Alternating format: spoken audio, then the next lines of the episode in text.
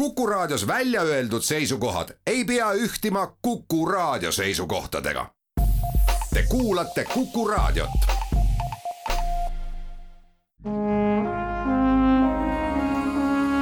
Vanemuise veerand tere kõigile teile, head Kuku raadio kuulajad. täna on saates külas Vanemuise muusikajuht ja peadirigent Risto Joost, tere! tervist! mina olen saatejuht Tiiu Rööp. Maikuus toimub Vanemuise sümfooniaorkestri hooaja lõppkontsert ja soovi korral saavad inimesed kuulata seda nii Tartus, Jõhvis kui ka Viimsis ning veel ma loodan, et me jõuame saates rääkida ka juuli lõpus toimuvast Kassitoome kontserdist. alustame hooaja lõppkontserdist see on pühendatud Sergei Rahmaninovi saja viiekümnendale sünniaastapäevale. kavas on kahe Eesti autori teosed, nendest üks on esmaettekanne ja siis loomulikult Sergei Rahmaninov. Kava on sinu kokku pandud, palun tutvusta mul on jube hea meel, et me saame mängida väga head muusikat ja kombineerida seda sellise muusikaga, mis on ähm, meie oma krundilt pärilt. Eesti äh, muusika peab, peab kõlama regulaarselt ja ja see kontsert tõepoolest tähistab Rahmaninovi saja viiekümnendat sünniaastapäeva ja tegelikult hooaja me ju alustasime ka äh, Rahmaninovi muusikaga, et siis kõlas teine klaverikontsert Tähele Liivi esituses ja, ja nüüd siis sümfoonilised tantsud nii-öelda peateosena. ja muidugi Rahmaninovi puhul me saamegi ju rääkida eelkõige sellisest noh, erakordsest talendist äh, klaverimuusika kirjutaja ja esitajana aga tema talent on ikkagi oluliselt laiem kui lihtsalt pianismi kogemusega helilooja.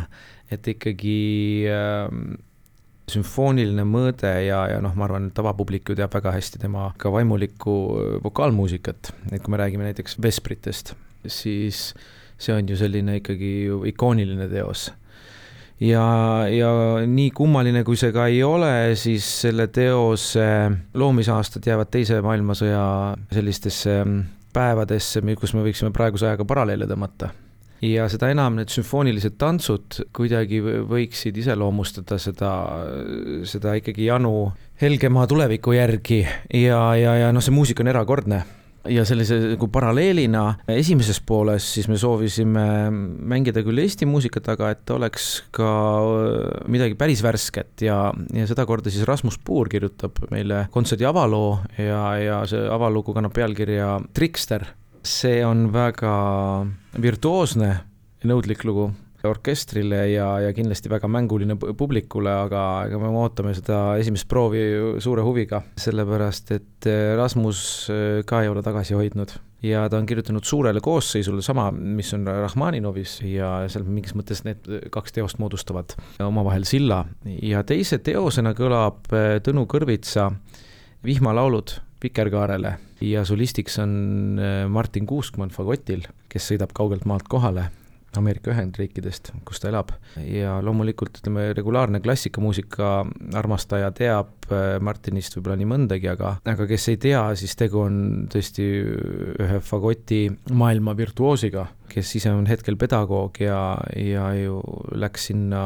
nooruse ajal õppima kohe laias laastus keskkooli pingist nii et äh, on jube hea meel, et me Martiniga saame teha Tõnu Kõrvitsa muusikat ja me salvestame ka selle teose. nii et tulevikus loodetavasti saab ka seda äh,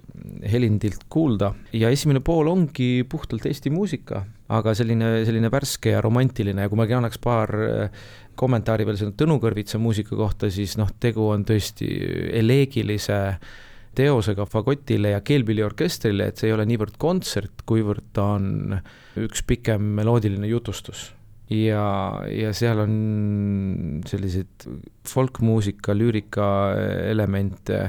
natuke bluusilõhna on tunda. aga see käib Tõnu muusika juurde juba, juba, juba mõnda aega. nii et kokku on, on saanud väga huvitav huvitav ja tõesti, ma arvan, atraktiivne kava ja, ja mul on hea meel, et me saame seda kolmes erinevas kohas publikule presenteerida. Martin Kuuskmanni kohta tahtsin pärida veel lisaks.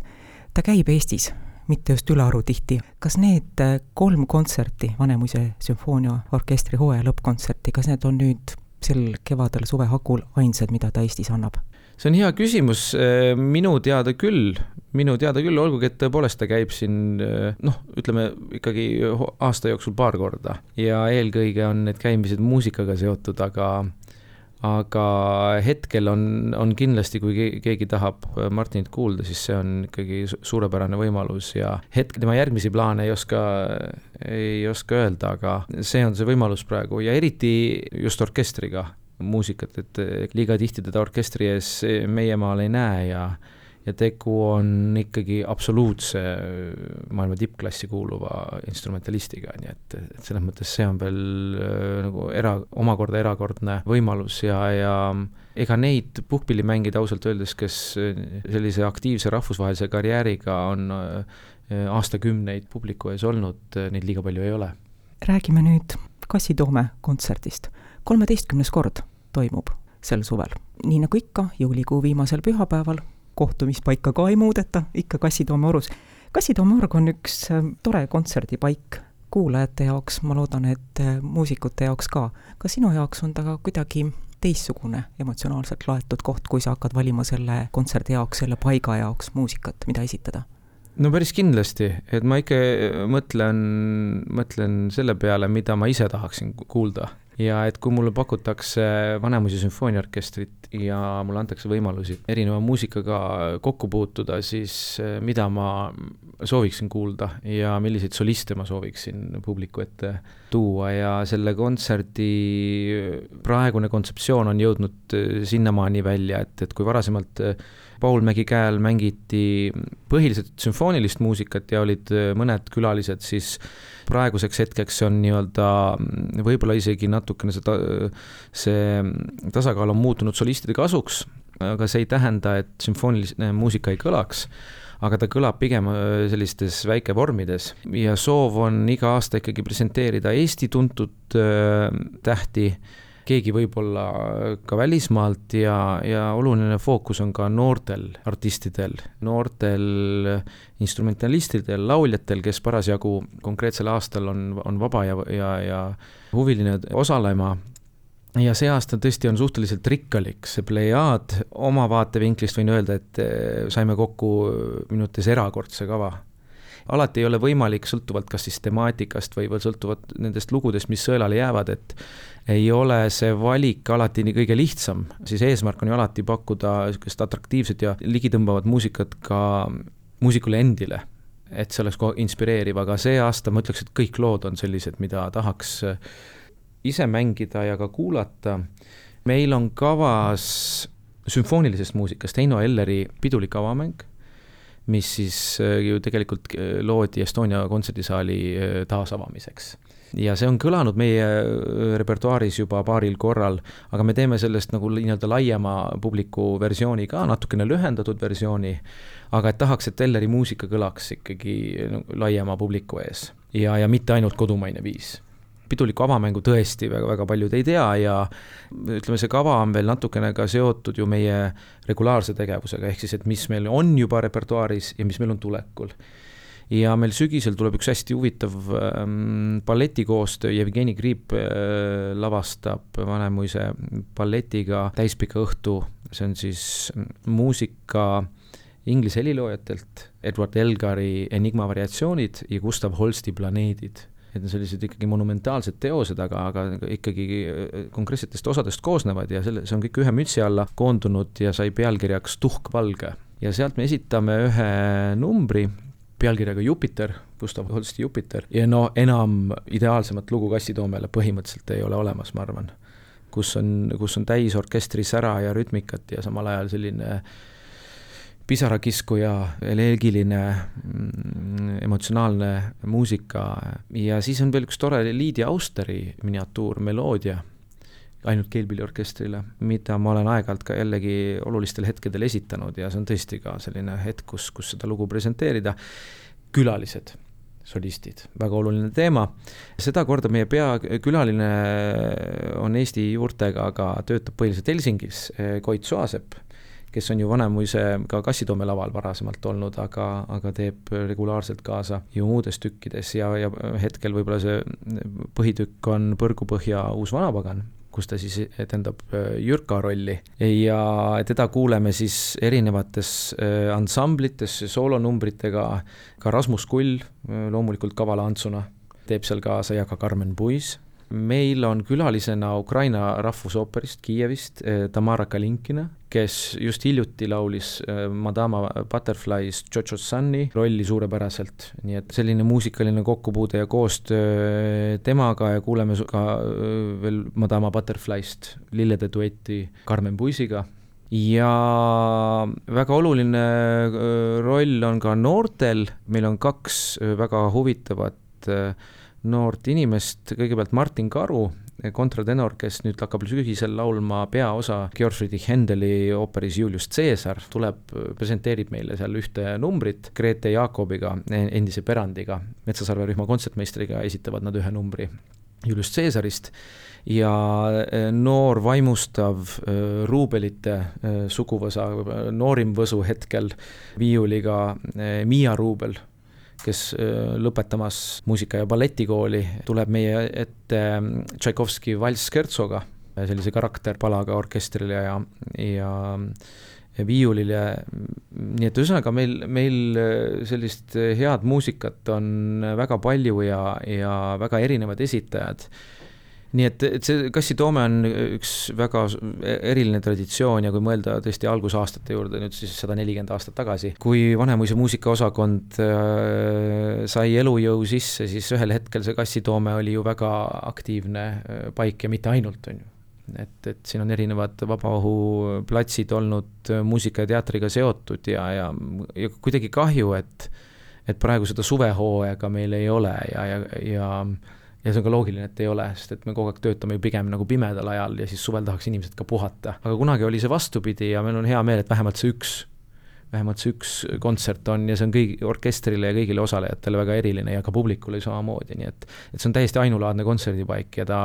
ja ta on kuidagi eestlaslikult äh, seotud loodusega ja ei ole nagu liiga ära klanitud, et ma, ma eeldan, paar puuki seal, seal rohu sees on ja paar kõrt ka oma pikkuses ei vasta euronõuetele. küll aga on seal vohab liigirikkus, mis on väga oluline, et kui meile sinna pannakse ikkagi see lava püsti ja, ja eelmine aasta oli, kogu nõlv oli ikkagi inimesi täis ja, ja veel, veel kaugemalgi. Ja lisaks saab seda ju jälgida ka ETV vahetusel päris meie jutuajamise lõppu esitan ma sulle nüüd küsimuse, millele võiks pühendada terve saate, aga ma pelgan, et sa pead üsna lühidalt vastama. kui sa nüüd äh, Vanemuise muusikajuhi ja peadirigendina vaatad tagasi lõppevale hooajale, milline on sinu hinnang, milline on sinu emotsioon sellele hooajale mõeldes?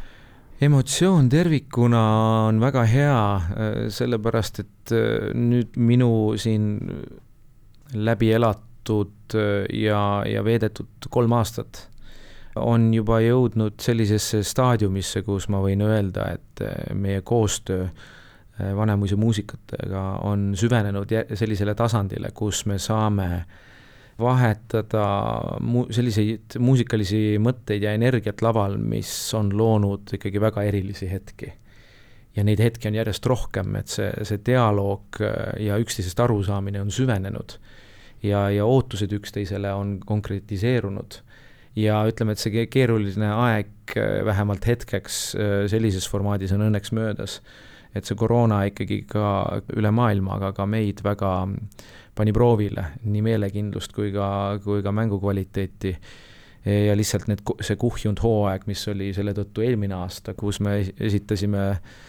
tõesti esietendusi oli, oli rohkem kui ütleme, riiulist võetavaid etendusi siis praegu on see asi nagu stabiliseerumas. järgmine hooaeg peaks tulema ka selle hooaega võrreldes kraad rahulikum, aga, aga etendusi on, on piisavalt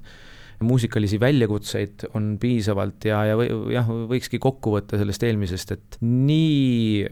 erinevates formaatides, erinevates majades esitatud küll Eesti algupärandid, balletimuusika, suurooper, väikeooper on tõestanud seda, et Vanemuise muusika kvaliteet, muusikaosakonna inimeste pühendumus toob publiku saali. Ja inimesed käivad ooperit, aga mitte ainult ooperit, vaid kõiki muid, muid žanre loomulikult ka opereti, äh, lastemuusikali, muusikali, väiksemaid kammertükke ka, ka teatrikodus äh, kuulamas, vaatamas, meie sümfooniakontserdite kvaliteet on äh, minu arvates väga arvestataval tasemel, et publik tajub, et sinna on põhjust tulla meie koostööd erinevate